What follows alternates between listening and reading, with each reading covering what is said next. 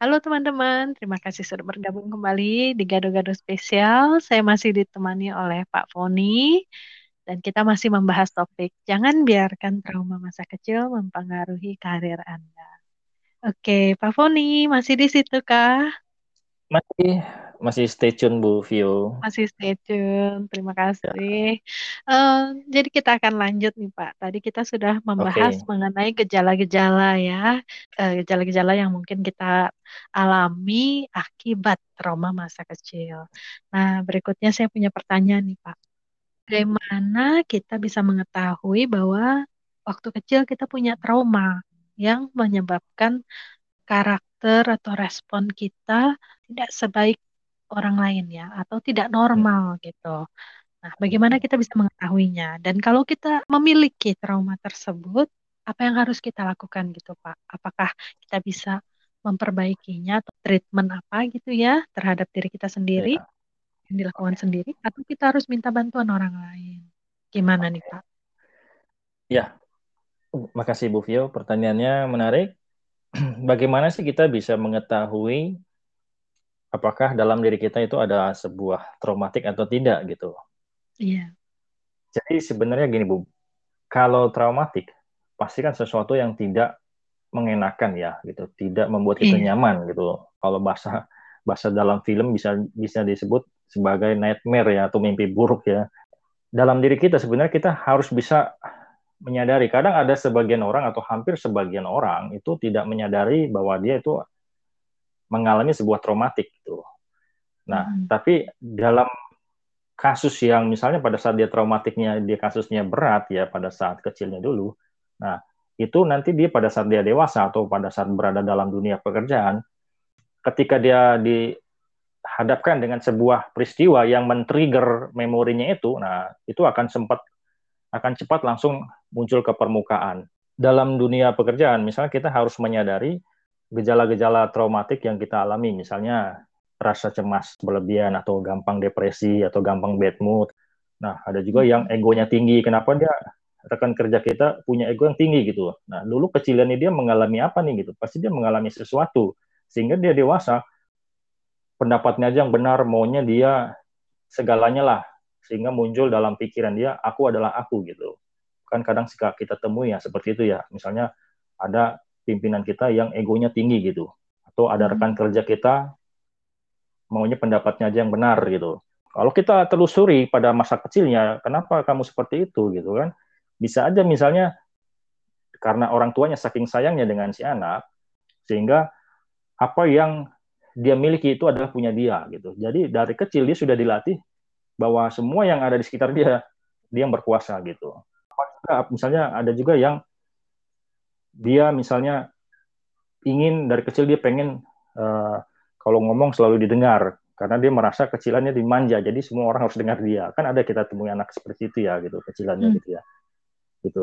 Nah ternyata itu kan bisa membuat sebuah uh, bisa membentuk karakter dia gitu traumatiknya dia itu gitu. Jadi pada saat dia besar dia kalau ngomong sama rekan kerjanya atau dalam meeting dia maunya pendapatnya yang benar gitu dia nggak sadar. Padahal itu sebenarnya hmm. itu manifestasi dari traumatik dia masa lalu gitu sehingga bagaimana kita menyadarinya? Nah kita harus menyadarinya mengetahuinya. Bila mana kita menemukan sesuatu yang menurut kita atau menurut pandangan awam itu bukan perilaku yang wajar gitu atau misalnya tidak semestinya gitu tapi kita nah, lakukan gitu kalau kita gitu. sudah tahu nih uh, misalnya saya menyadari, wah ini kayaknya saya ada yang nggak benar nih ya, uh, mm -hmm. tidak normal nih ya, nggak seperti teman-teman saya. Lalu kalau saya sudah menyadari itu, bagaimana saya bisa menggalinya, mengetahui dan bagaimana saya memperbaikinya gitu, Pak? Ya mungkin nah, teman-teman iya. di sini juga mengalami hal yang sama dan curious gitu ya, mau tahu gimana hmm. saya harus ngapain gitu ya. Iya, jadi misalnya ada sesuatu yang salah, misalnya kayak perilaku yang perilaku kognitif yang salah, misalnya kayak ini bukan di luar pekerjaan gitu ya, tapi misalnya di dalam rumah gitu. Jadi mm-hmm. pernah ada seorang klien saya itu seorang ibu rumah tangga, setiap kali dia suaminya bekerja, kemudian juga anaknya sekolah ya, jadi yeah. setiap kali dia berada sendirian di rumah itu merasa takutnya luar biasa sampai merasanya kayaknya dia tuh hidupnya tuh udah berada di atas uh, awan lah gitu ya. Karena seolah-olah di rumahnya itu ada roh lain gitu atau bagaimana pokoknya ketakutan yang luar biasa gitu bu. Hmm, dan itu okay. sampai membuat dia depresi. Jadi setiap kali yeah. dia merasa sendiri di rumah itu rasa ketakutannya luar biasa gitu. Saya tanya gitu informasinya seperti apa yang dia rasakan atau dialami dan dia juga nggak mengetahui apa sebabnya gitu. Mm-hmm. ya kan? Nggak mengetahui apa sebabnya. Ternyata lalu saya coba melakukan sebuah terapi. Saya coba dengan regresi masa lampau ya. Dengan relaksasi ya waktu itu. Begitu saya gali informasi ternyata pada saat dia SMP dulu pulang sekolah dia bawa motor. Pada saat dia di jalan itu motornya hampir menabrak truk. Hmm. Nah, kata dia itu nih saya gali informasi dia ya bu dari dalam bas dari hmm. bawah sadarnya gitu. Yeah. Nah terus pada saat itu itu kejadiannya sudah normal kembali. Jadi dia tidak merasakan apa-apa setelah kejadian itu, pasca kejadian itu. Nah, jadi rasa dia hampir mau mati itu sensasinya itulah yang terekam di bawah sadarnya. Dia menyimpan sebuah memori, memori visual dan memori uh, kinestetik ya dalam memori bawah sadarnya itu yang tersimpan dalam bawah sadar dia dan itu terkubur sampai dia usia tertentu. Lalu pada saat dia sudah uh, berumah tangga ini, dia ketrigger dengan sebuah uh, sebuah kejadian, misalnya dia berada sendiri di rumah, itu seolah-olah kayak ada dia ngerasa kayak ada yang mau jemput dia gitu. Oke. Okay. Lalu tuh treatmentnya seperti apa tuh ya? Nah, jadi kalau kita kita makanya kan kita sudah harus uh, kadang ada bila kita melakukan sesuatu yang tidak wajar tadi atau misalnya perilaku kognitif yang salah ya atau perbuatan mm -hmm. yang menurut kita atau menurut pandangan orang lain tuh nggak sewajarnya, nah itu artinya kan ada yang salah dengan diri kita dan itu nggak boleh dianggap sepele gitu. Yeah, nah yeah. sehingga kita perlu melakukan sebuah yang namanya uh, eh, self talk ya kita sepanjang hari melakukan banyak aktivitas kegiatan, uh, mulai dari mm-hmm. bangun pagi, sarapan, berangkat kerja, kemudian juga meeting dan ketemu klien atau ketemu rekan kerja, kemudian yeah. juga uh, nongkrong teman-teman sampai kita pulang kembali ke rumah, mandi, makan, nah, terus nonton TV atau main gadget. Nah, lalu kita sebelum kita tidur kita bisa melakukan yang namanya self talk. Usahakan menenangkan diri dulu, kita relax rilekskan pikiran kita, tenangkan uh, semuanya serba rileks lah ya. Mungkin kalau yeah. bisa dibawa sambil mendengarkan lagu gitu. Nah, ada beberapa lima pertanyaan yang menjadi acuan gitu, mm-hmm. yang bisa kita sampaikan ini. Apa aja tuh Pak? Uh, yang pertama, apa yang kau lakukan gitu? Apa yang kau lakukan sepanjang hari ini? Gitu. Hmm, kita list down kau... gitu apa aja ya? Betul. Jadi cukup kita buat uraian aja apa yang kita lakukan sepanjang hari ini. Apakah yang kita lakukan itu uh, baik atau salah gitu, benar atau salah, baik atau buruk gitu. Jadi kita bisa lihat gitu. Dan kemudian pertanyaan yang kedua, apa yang kau rasakan gitu? Mm-hmm. Jadi apa yang kita rasakan? Apakah itu memberikan dampak yang baik bagi kita atau orang lain gitu? Atau yang kita rasakan itu kita merasa salah, merasa tertekan atau apa gitu. Jadi apa yang kita rasakan? Seandainya kita menemui masalah di kantor dan misalnya dimarahin bos itu. Nah, itu juga kita tanyakan gitu ya. Apa yang kita rasakan Betul. Uh, Betul. dimarahin bos Bisa. hari itu gitu ya. Betul. Jadi kalaupun kita dimarahi oleh bos ya tetap aja kita coba uh, bertanya dalam diri sendiri misalnya apakah yang kita alami itu adalah baik atau buruk gitu. Misalnya bos melakukan itu, menurut kita baik atau buruk gitu. Menggali aja dalam pikiran nanti kita coba mengelaborasi dalam pikiran kita sendiri. Itu nanti pasti kita akan tahu uh, hasilnya seperti apa gitu. Kayaknya kalau dimarahin bos pasti buruk deh pak. Gak ada dimarahin bos itu nggak buruk, namanya dimarahin. Jadi di situlah makanya kita harus melakukan uh, eh, self talk gitu gitu. Nah, hmm. pertanyaan yang ketiga, apa sih yang kita inginkan gitu. Jadi sebenarnya kita melakukan itu apa yang mau kita tuju gitu, apa yang mau kita capai sebenarnya gitu. Nah, hmm. pertanyaan yang keempat, apa yang harus kita hindari? Kita mau melakukan sesuatu, kita harus menghindari resikonya gitu. Jadi kalau misalnya dalam seharian tadi misalnya kita dikasih tugas oleh bos gitu. Kita menolak. Nah, kan kita pasti ngerasa dampaknya apa gitu kan. Mungkin besok kita takut besok-besok bos nggak bakal ngasih kita kerjaan atau gimana kan begitu. Kita harus menghindari eh, hal-hal uh, apa nih misalnya. Tadi kita melakukan ini, nah besok kita berarti nggak boleh melakukan itu lagi kan begitu. Yang selanjutnya hmm, apa yang menjadi yang harapan inginkan. kita hmm. kan sebenarnya gitu. Nah itulah kita harus melakukan self talk setiap hari ya, nggak mesti malam gitu. Tapi setiap kali kita melakukan sesuatu yang menurut kita salah atau menurut orang lain salah, nah kita harus langsung mel segera melakukan self talk atau bisa melakukan introspeksi diri ya gitu. Hmm. Supaya dampak traumatik yang kita alami ini itu tidak berlarut-larut akan selamanya ada di dalam diri kita gitu. Ya syukur-syukur kalau misalnya orang yang sudah punya pengalaman traumatik, ya misalnya dia sudah tahu nih diri dia uh, seperti ini gitu. Tapi dia mampu mengembangkan dirinya sendiri gitu ya dengan misalnya ikut pelatihan apa atau misalnya ikut sebuah apa untuk mentransformasikan dirinya gitu. Jadi ada caranya Nah, kita bisa melakukan metode yang namanya PCAT. Kita problem. Jadi kita mm-hmm. deskripsikan, kita jabarkan semua apa yang jadi problem dalam diri kita. Terutama yang menjadi yang bisa menjadi ancaman dalam diri kita, gitu. Termasuk traumatik itu. Ya, kenapa kita hmm. takut? Kenapa kita cemas? Kenapa kita fobia? Kenapa kita uh, depresi? Karena itu kan menjadi okay. sebuah mental mental block ya menjadi sebuah toksik dalam diri kita menjadi penghambat dalam karir pekerjaan kita gitu. Oke, jadi pertama kita kenali dulu kita punya problem apa ya, P-nya ya. ya. Nah, yang yang kedua C-nya, C-nya critical. Dari semua problem yang ada itu, kita pilih, kita klasifikasikan kembali masalah apa yang sangat kritikal dalam diri kita itu. Kritikal bagi kita yang sangat uh, berpengaruh sekali dalam diri kita termasuk traumatik tadi misalnya kayak takutan atau apa segala macam ya gitu. Oh, yang kritikal, oke. Okay. Jadi segala sesuatu yang membuat kita depresi, stres, nah okay. pasti kita akan temukan nanti uh, apa nih sumbernya, kritikal areanya nih. Oke, okay. next stepnya? Nah, baru yang selanjutnya, yang A-nya itu access kita, access semua resources sumber daya yang positif yang ada dalam diri kita sumber daya ya kemampuan kita ataupun termasuk juga skill kita yang ada dalam diri kita yang bisa membuat diri kita berkembang gitu. Jadi kita akses semua sumber daya positif gitu. Nah, misalnya kita takut gitu ya. Kita misalnya traumatik kita itu kita mengalami sebuah uh, kecemasan kan gitu. Mm-hmm. Tapi kita bisa kreatif berpikir gitu. Kita bisa menghasilkan sesuatu, kita bisa uh, bekerja dengan kreatif dengan disiplin misalnya kita bisa itu gitu.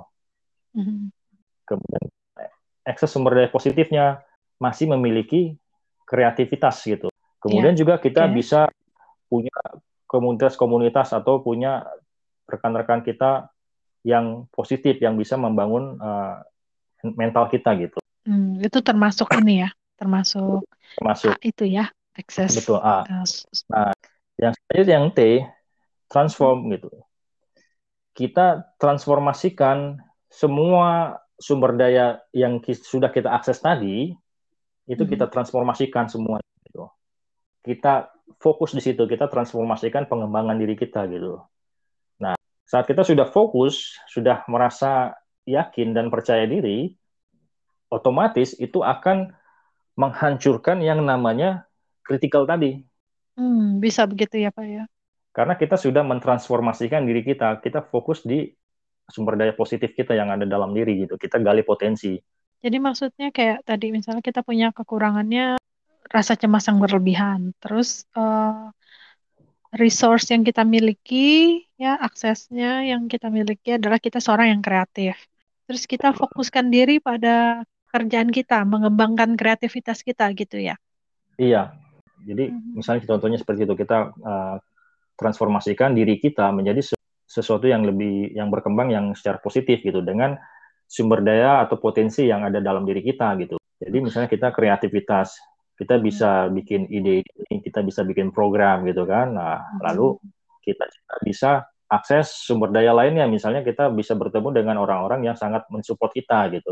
Nah, di situ kan kita akan menambah uh, spirit kita kan, kita akan bertambah uh, semangat kita gitu. Jadi percaya diri kita pun jadi muncul lama-lama.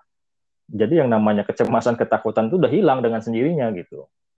Oke, perlahan-perlahan ya akan hilang ya, uh, atau memang butuh oh. proses gitu. Tapi tahun pada saat dia memang sudah fokus untuk mentransformasikan dirinya, uh, semua critical faktor itu, critical factor itu yang menjadi penghambat dia, yang menjadi traumatik dia, itu akan hilang gitu. Karena pikiran dia sudah fokus ke transformasinya, bukan fokus ke critical faktornya gitu. Oke, kalau sekarang ini kan banyak orang mudah stres karena tekanan pekerjaan ya. Nah, tadi ada yang cara yang pertama self talk ya Pak ya. Betul. Kita merefleksi diri, kita urutkan apa yang sudah kita lakukan atau yang terjadi uh, seharian itu, apa yang kita rasakan, lalu apakah itu baik atau buruk, terus apa yang kita inginkan, apa yang harus kita hindari, apa yang harus kita hindari, apa yang kita harapkan. Oke. Okay. Ya, jadi kalau setiap kita rutin melakukan self talk, nah, itu kan sama saja kita bisa meminimalisir yang namanya traumatik itu gitu. Hmm. Misalnya kita bisa meminimalisir yang namanya sindrom baik itu sindrom apa panic syndrome atau misalnya stres, depresi. Nah, jadi kita hmm. bisa melakukan pencegahannya gitu. Sehingga besok kita tidak melakukan hal yang sama, tapi kita bisa melakukan hal lain yang positif gitu. Hmm. Jadi hari ini kita melakukan kesalahan, nah besok kita sudah ada perbaikan gitu. Dampak-dampak traumatik atau manifestasi dari traumatik kita masa lampau itu bisa kita minimalisir dan lambat laun itu akan hilang dengan sendirinya gitu. Oke.